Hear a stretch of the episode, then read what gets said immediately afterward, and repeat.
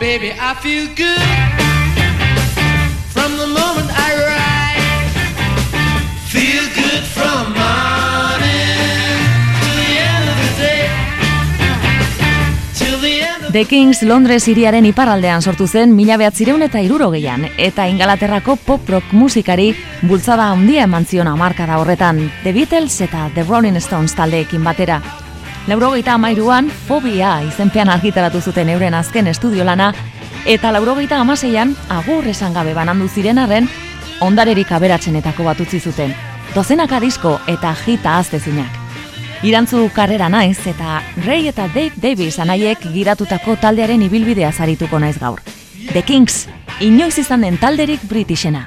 Ongi etorri. Well, now meet a group who recently came from nowhere to the top of the hit parade. It's a rhythm and blues outfit with uh, long shoulder length hair and the strange name of the Kinks. Zortzi senidetatik gazteenak ziren mutil bakarrak. Maswell Hill auzoan bizi ziren eta honek Davis anaiak markatu egin zituen nonbait. Londres iparraldean dagoen auzo bat da, baina herriska baten moduan funtzionatzen du eta bizitzaren ikuspegi berezia eman zien. Dave Davis. Nire aitak sorcerer. hiltegi batean lan egiten zuen. Oso interesgarria izan zen gure etxean aztea. Ona izaten delako familia bateko kide sentitzea. Txikiena izanik, imaginatuko duzu. Neretzako izugarria zen. Dirurik ez genukan, baina festak astero Parties. Every week. Laruma gauetako festak antologikoak izaten omen ziren. Garagardoa barra-barra, sandwichak eta britainarragoa ezin, banjo bat. Eta nostalgia horrekin, Rayek music hola sartu zuen gerora bere kantu askotan.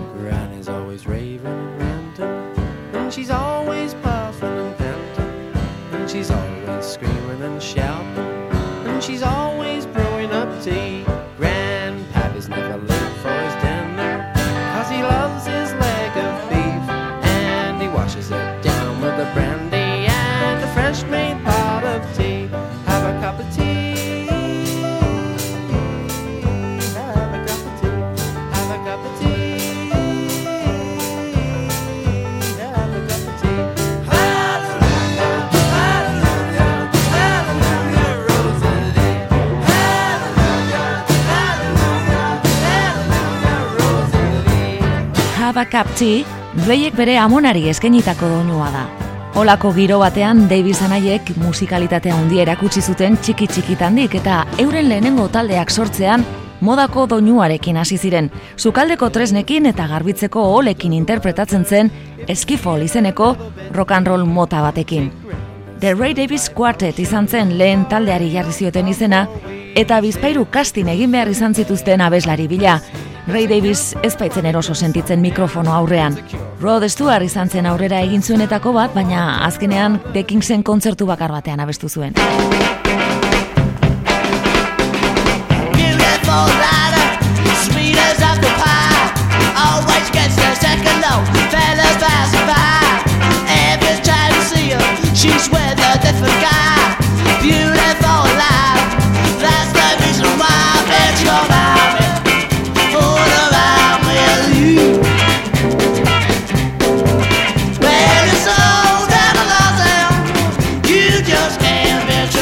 Zenbait izen aldaketa egin ondoren eta toki penagarrietan abestu eta gero, behin betiko izen hartu zuten, The Kings. Zerbait eigarria nahi baitzuten, atentzio emango zuena, eta manaierretako baten aholkuz, ez dago argi zehazki zeinena izan zen ideia, The Kings aukeratu zuten, ingelesez berria, bitxia edo ganberroarekin lotzen baita, nabarmentzea gustatzen zaion. Ba, Ray Davisek behin esan zuenez, berari etzitzaion inoiz izen berria gustatu.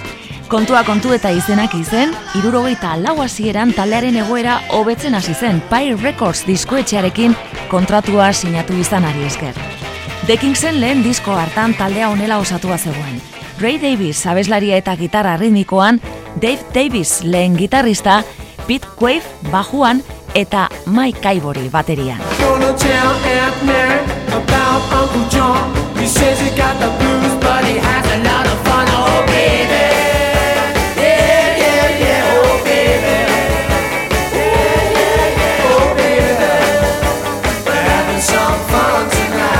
Lontzal Sally irurogeita lauko otxailean argitaratu zen, eta egin zen publizitate guztiak oso jartzun eskasa izan zuen. Lehen singela ia oarkabean pasatu zen, eta bigarrenarekin, You Still Want Merekin ere, berriz zerrendetatik kanpo geratu zirenez, irugarrengoan arrakastarik lortzen ezpazuten, kontratua eteteko mehatxua egin zien Pai Records diskoetxea.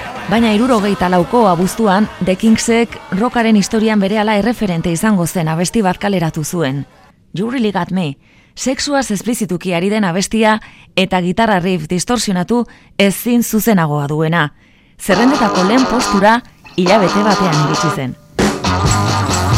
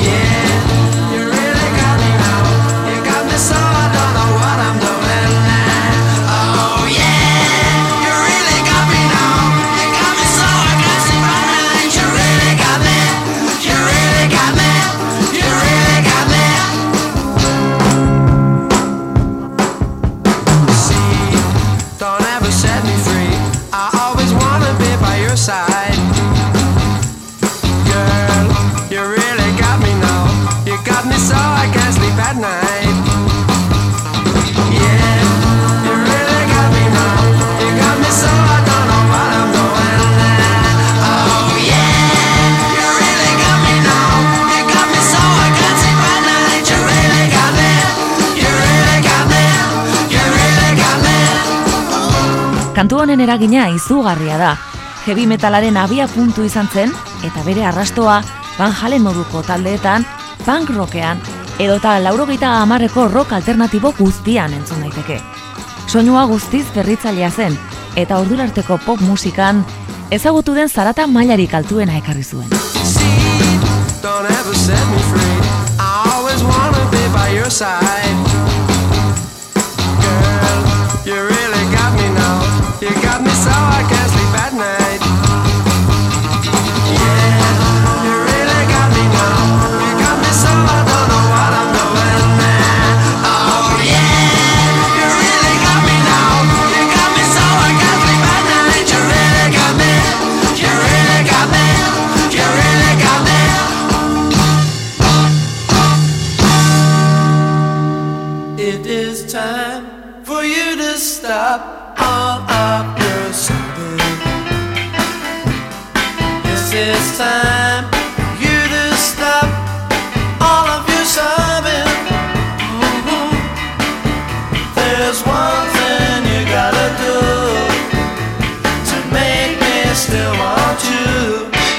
Stop sobbing now.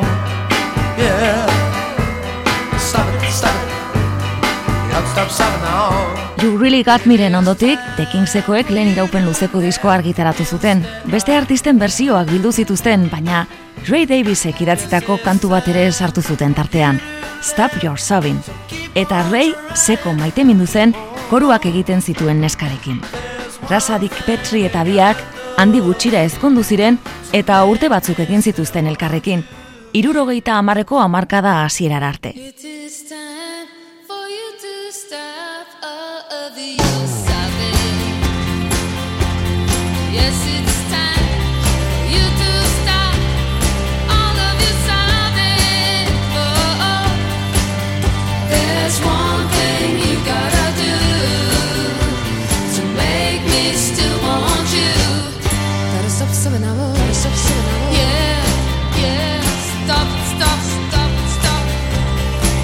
Ba, kantu autarteko, irurogeita emeretzi amaieran, berzioa egin nahi zuen Ohioko talde ez ezagun baten abeslaria ezagutu nahi izan zuen Ray Davisek. Chrissy Hind zen neskaura, Pretenders taldeko abeslaria, eta bere bikotea izango zena urrengo lau urtetan. Alaba bat izan zuten laurogeita iruan, Natalie, baina handik urte betera banandu ziren. Ray mozkortzen zenean oso gizon violentoa zen, eta jo egiten zuen, Chrissy Hine Simple Minds taleko Jim Kerrekin ezkondu zen laurogeita lauean.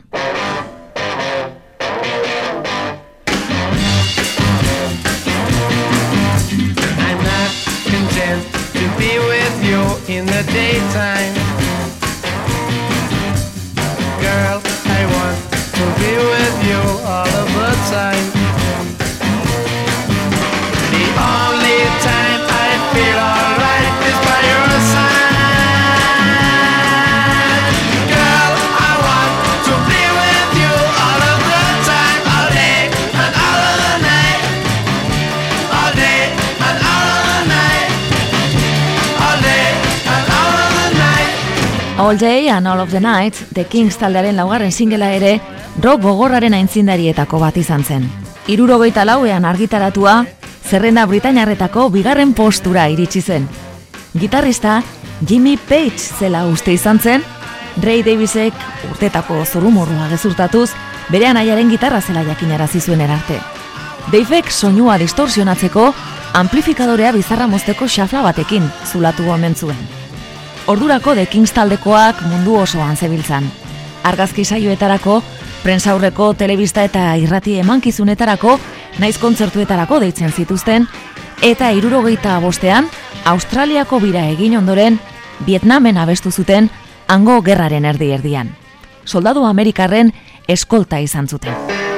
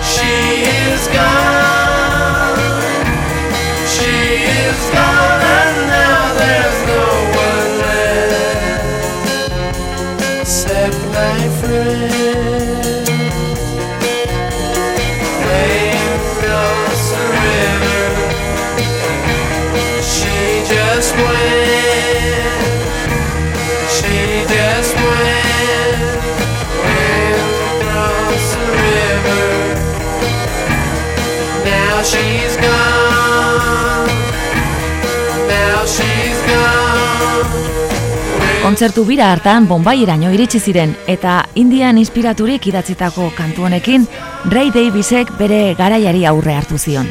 See My Friends izan zen Indiako zitarra imitatu zuen lehenengotakoa Beatlesen Norwegian but baino bastante lehenago. Kantu honekin dekinsekoek kultura desberdinen arteko fusioa sortu zuten. World Music deitzen dena, munduko musika. She's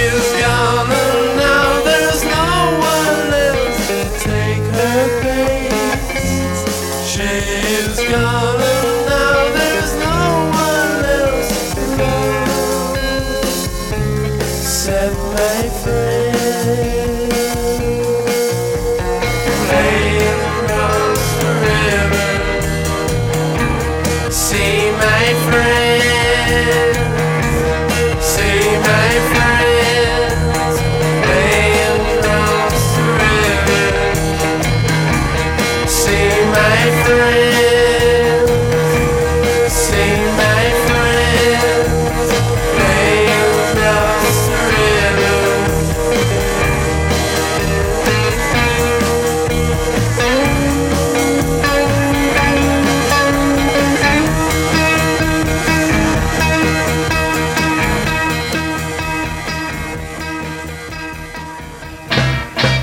To close the show, it's the Kinks. And our top of the bill group sing Everybody's Gonna Be Happy. I know, I know, and I know that everybody, and I know that everybody's happy, happy as you and me. Urte berean oso ondorio txarrak ekarriko zizkien beste kontzertu bira bat ere egin zuten estatu batuetakoa. Galdutako musika tresnak, kobratzeko orduan antolatzaile batzuekin izan zituzten arazoak, era bateko desastrea izan zen, mila behatzireun eta irurogeita bosteko udan abiatu zuten bira ura. Larry Page managerrak utzi egin zituen gainera baina okerrena, taldekidek euren artean kontzertuetan zituzten istiluak ziren. Behin batean, lendabiziko abestiaren amaieran, Ray Davisek Mike Ivory iraindu zuen eta ondoren bere bateria ostikatu. Ivoryk eskuan zuen Charlesa hartu eta amasei puntuko zauria egin zion buruan. Iesari eman zion ondoren, hilda utzi ote zuenaren beldur. Ivory polizia lasaitzen saiatu omentzen gero, tresna jaurtik eta ura ikuskizun berri bat zela esanez, baina estatu batuetako musikarien federazioak gogor zigortu zituen eta rock merkaturik haundienaren ateak itxi zizkien.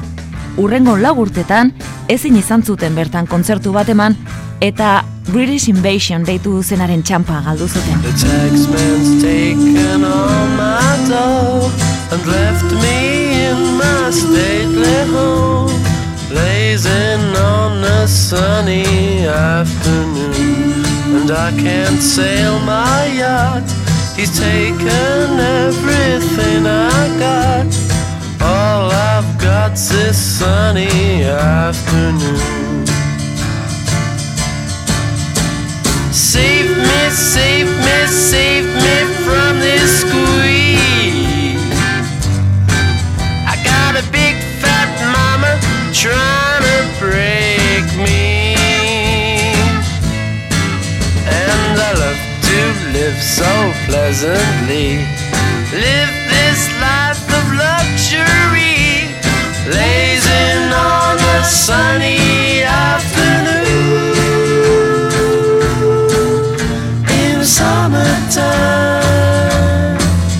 in the summertime, in the summer. Face to Face diskoan kaleraturiko Sunny Afternoonek ezin hobe erakusten du garaje rock doinua kalde batera utziz, irurogeita zeian The Kingsek hogei hogeita amarra markadetako Music Hall Britainarraren alde eman zuen saltoa.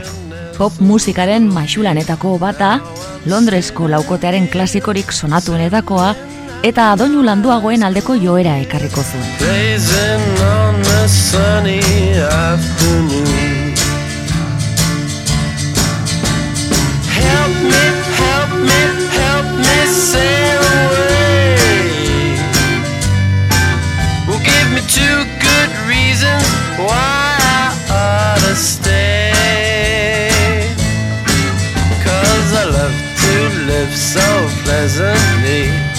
Live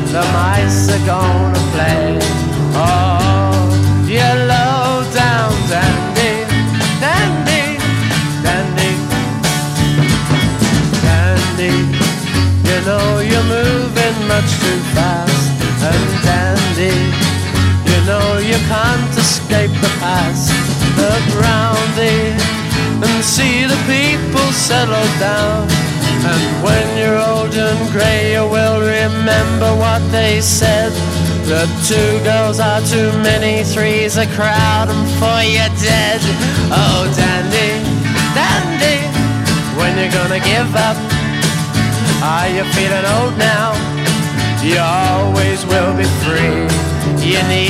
Sympathy. Davis tarrekain gustuko zituzten kabaret doinuetan oinarrituta, abesti honetan Ray bere anaia Daven inspiratu zen emakumeekin arrakasta duen dandi bizizalearen erretratua egiteko. Baina Ray era guztietako gaien gainean idazten hasia zen. Politika zela, amodioa, jendearen arteko inkomunikazioa, ustelkeria edota drogak aipatzen zituen bere abestietan, eziketa, komunikabideak eta Harry Rag izeneko kantu honen kasuan, erretzea. Ah, Tom is young and Tom is bold. Tom is as bold as the night of old. But whenever he gets in a bit of a jam, there's nothing he won't do to get to Harry Rag. Harry Rag, Harry Rag, do anything just to get to Harry Rag. Then he curses himself for the life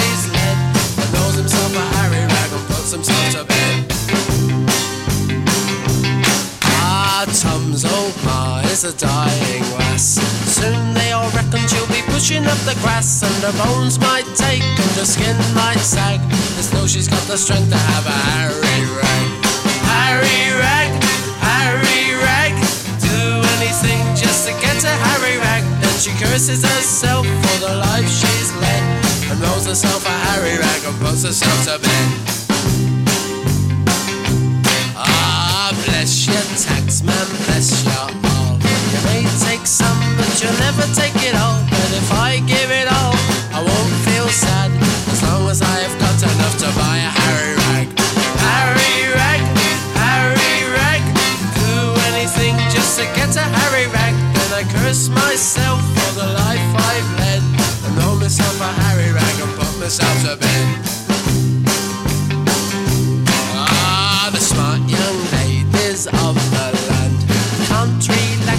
A Harry in their hand. Then they light one up and they boast and brag, so content because they got a Harry rag. Harry rag, Harry rag, do anything just to get a Harry rag. Then they light one up and they'll boast and brag, so content because they got a Harry rag. Hey! Harry rag, Harry rag. I'll do anything just to get to Harry Rag And I curse myself for the life I've led And know myself a Harry Rag and put myself to bed Dedicated follower of fashionen, The Kings talekoak irurogeiko amarkadako fashion victimen gainean ari dira moda jarraitzearen edo zer jazten zuten Swimming London hartako partaidei egindako kritika da. They seek him here They seek him there. His clothes are loud But never square. It make or break him So he's got to buy the best Cause he's a dedicated follower of fashion. And when he does His little rounds Round the boutiques of London town pursuing all the latest fads and trends. Cause he's a dedicated follower of fashion. Oh yes he is. Oh yes he is. Oh yes he is. Oh yes he is. Thinks he is a flower to be looked at. And when he pulls his frilly nylon and his raked up tight, he feels a dedicated follower of fashion. Oh yes he is. Oh yes he is. Oh yes he is. Oh yes he is. There's one thing that he loves, and that is flattery. One week he's in polka dots and next week he's in stripes But he's a dedicated follower of fashion They seek him here, they seek him there In Regent Street and Leicester Square Everywhere the Carnabetian army marches on Each one a dedicated follower of fashion. Oh yes he is. Oh yes he is. Oh yes he is. Oh yes he is. His world is built round discotheques and parties His pleasure-seeking individual always looks his best Cause he's a dedicated follower of fashion. Oh yes he is. Oh yes he is. Oh yes he is. Oh yes he is. He flits from shop to shop just like a butterfly. In matters of the cloth, he is as fickle as can be. Cause he's a dedicated follower of fashion. He's a dedicated follower of fashion. He's a dedicated follower of fashion. Mila behatziron eta irurogeita zazpiko maiatzean The Kings taldekoek Waterloo Sunset argitaratu zuten.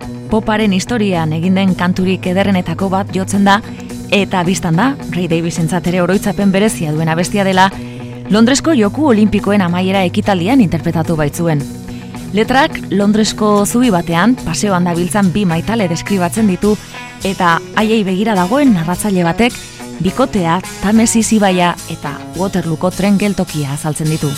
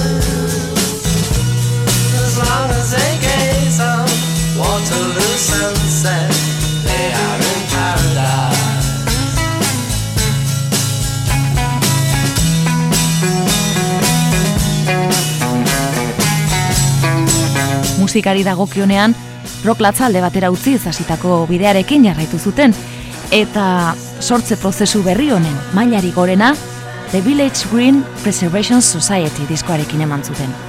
Irurogeita zortziko ekainean iritsi zen dendetara, baina aurrez The Kingsen lan berria Days izeneko abesti zoragarri honek iragarri zu.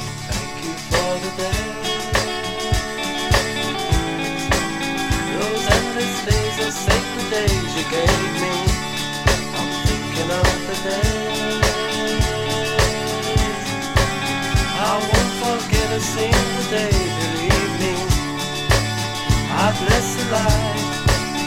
I bless the light that lights on you, believe me. And though you're gone, you're with me every single day, believe me. Days I'll remember all my life.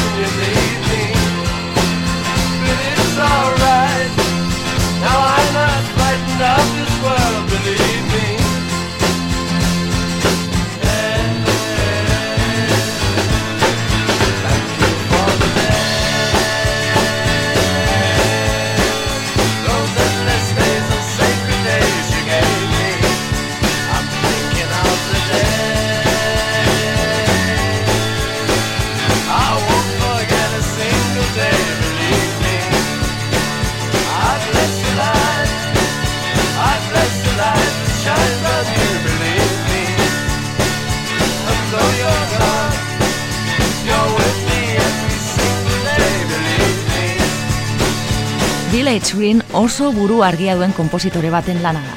Hogeita urterekin, Ray Davisek bere ingurua aztertzeko gaitasuna erakusten du eta txikitandik ezagutzen duen mundua desagertzen ari dela konturatzen da. Bere abestietan ez ditu garaiko joerak jarraitzen, herri txikiak eta paisaiak irudikatzen ditu adibidez, kriketa edo teki karaka aipatzen ditu, baina era berean, adinean aurrera egitea zari da, eta honek sortzen dion nostalgia. Preservation Society. God save the duck Vaudeville and variety. We are the Desperate Dan Appreciation Society. God save strawberry jam And all the different varieties. Serving the old ways From being abused. Protecting the new ways For me and for you. What more can? We Draft Beer Preservation Society. God save Mrs. Moss and good old Mother Riley. We are the Custard Pie Appreciation Consortium. God save the George Cross and all those who are loving them.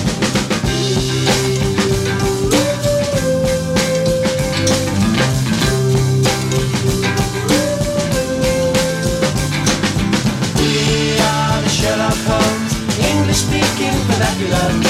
God save Fu Manchu, Moriarty and Dracula. We are the office block, persecution affinity. God save the little shots, China cups and virginity. We are the skyscraper, condemnation affiliates. God save Tudor houses, and billions. Serving the old from being abused. Protecting the new ways for me and for you. What more can we do? We are the Green Preservation Society. God save Donald Duck, and variety.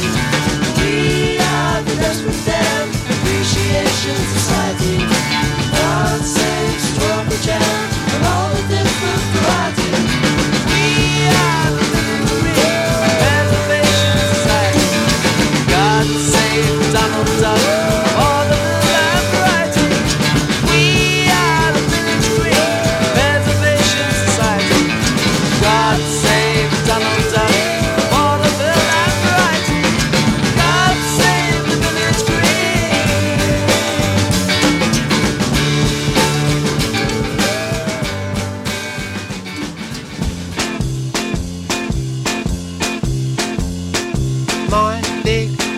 It was the biggest day of my life. It was the summit of my long career, but I felt so down and I drunk too much beer. The management said that I should not appear. I walked out onto the stage and started to speak. The first night I missed for a couple of years. I explained to the crowd and they started to cheer. And just when I wanted no one to be there, all of my friends were there. Not just my friends, their best friends too. All of my friends were there to stand and stare, say what they may. All of their friends need not stand.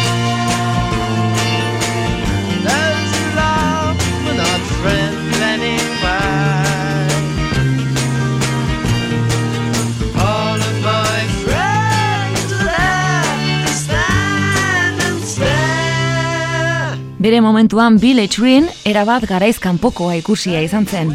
Hirurogeita zortzia zen maiatzeko iraultzaren urtea, Vietnamgo gerraren aurkako manifestazioen garaia eta rokokorra punta-puntan zegoen. Zer ikusirik ez zuen egun berean kaleratu ziren The Beatlesen disko txuriarekin eta Jimi Hendrixen Electric Ladylarekin. Salmentako purua barregarria izan zen, mundu osoan etzen hogeita mila alera iritsi, baina gerora The Kingsen lanik arrakastatsuena bihurtuko zen. Zentzu guztietan, batez ere, 2008an Picture Book abestiarekin oso sonatua izan zen iragarki bat egin zutenetik.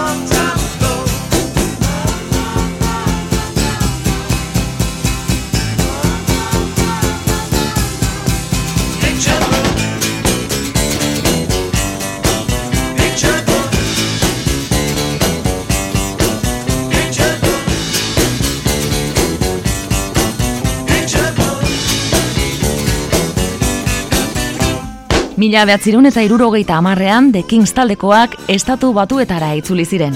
Hasieran, areto txikietan jotzeko, baina urte amaieran, garai hartako rock izarra handi guztiek jotzen zuten Fillmore Eastera deitu zituzten Manhattanen. Kantu honi esker. I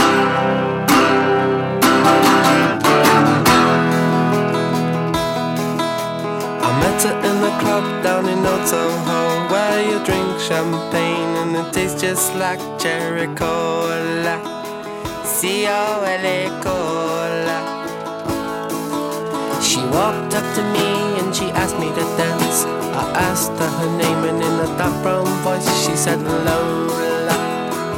L-O-L-A Lola La la la la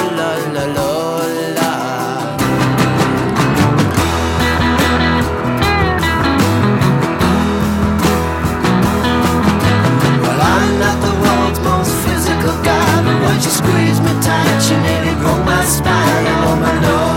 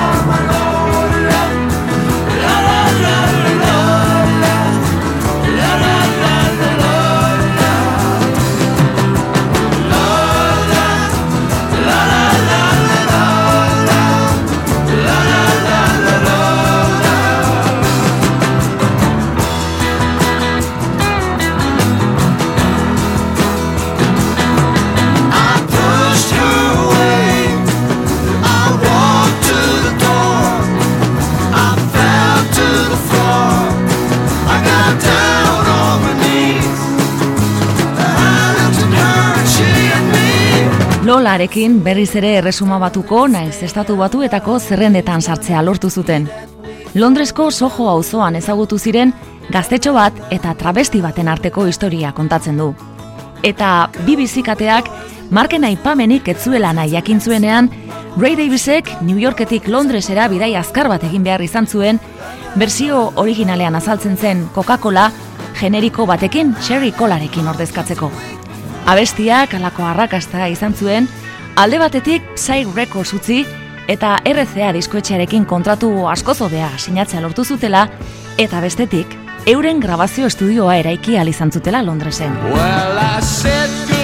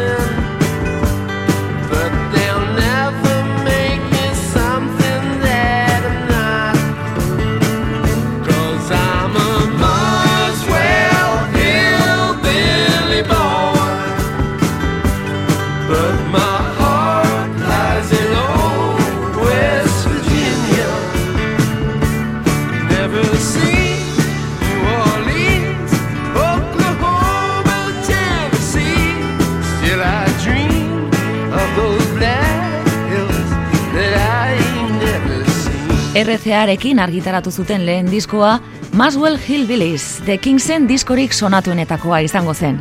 Irurogeita amaikako azaroan kaleratua, izenburuak Davistarren auzora eramaten gaitu. Eta pobrezia naiz langile jendearen egunerokoa dira Gaietako batzuk, irurogeita amarreko amarkadan Londresen ohikoa izan zen, auzo Viktorianoen desagertzearekin batera. No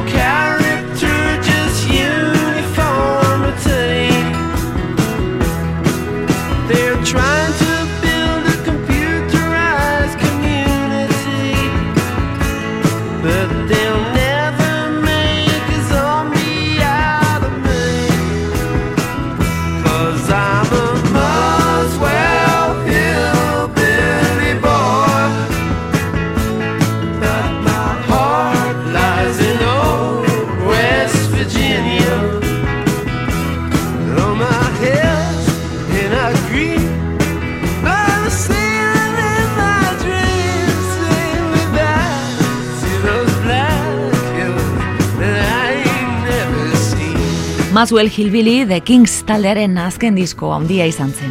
Irurogeita amar laurogeiko amarkadetan, lan berriak argitaratzen jarraitu zuten, estatu batuetako merkatuari begira batez ere, eta egia da estadioak bete egiten zituztela, baina helburua kritikaren errespetua, galtzearen truke lortu zuten. Ingalaterran punk mugimenduaren eta New Wavearen sorrerarekin nolabaiteko eragina izan zuten, eta deiame kantu honetan egin zuenaren antzera beste batzuk ere egin zituzten The Kingsen bersioa.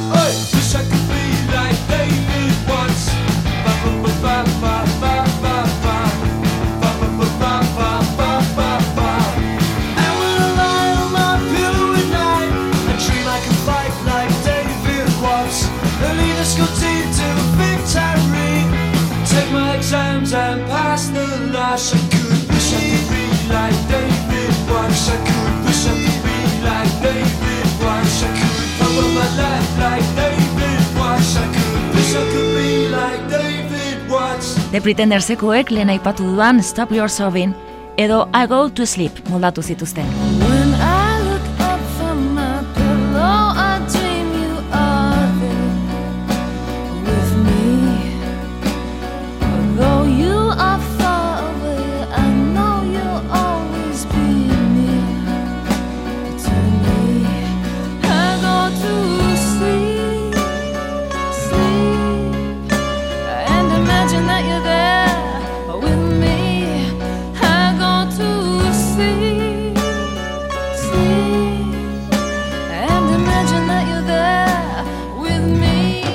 Eta Kirsti Makolek Days ahaztezina. Thank you for the days, those endless days, those sacred days you gave me. I'm thinking of the days. I won't forget a single day, believe me. I bless the light, I bless the light that lights on you,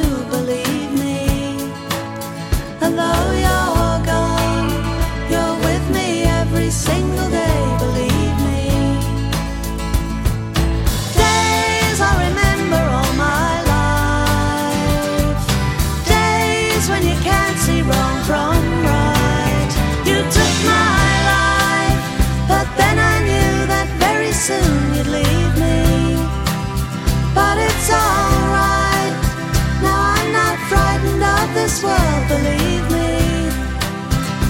wish today could be tomorrow. The night is long, it just brings sorrow, let it wait. Ah, thank you for the days, those endless days, those sacred days you gave me.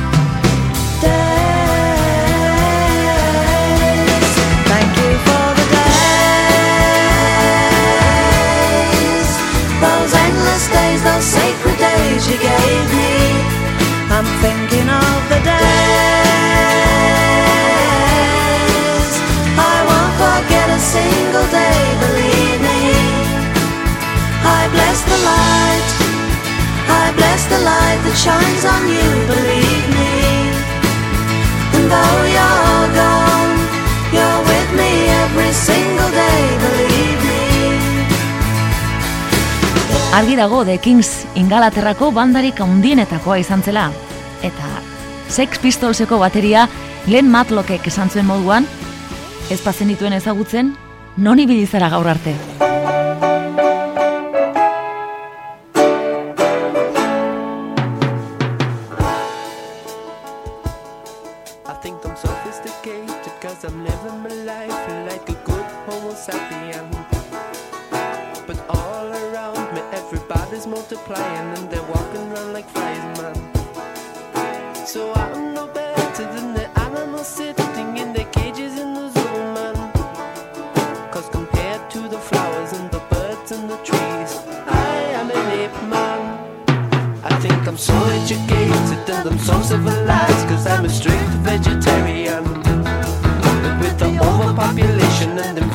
starvation and the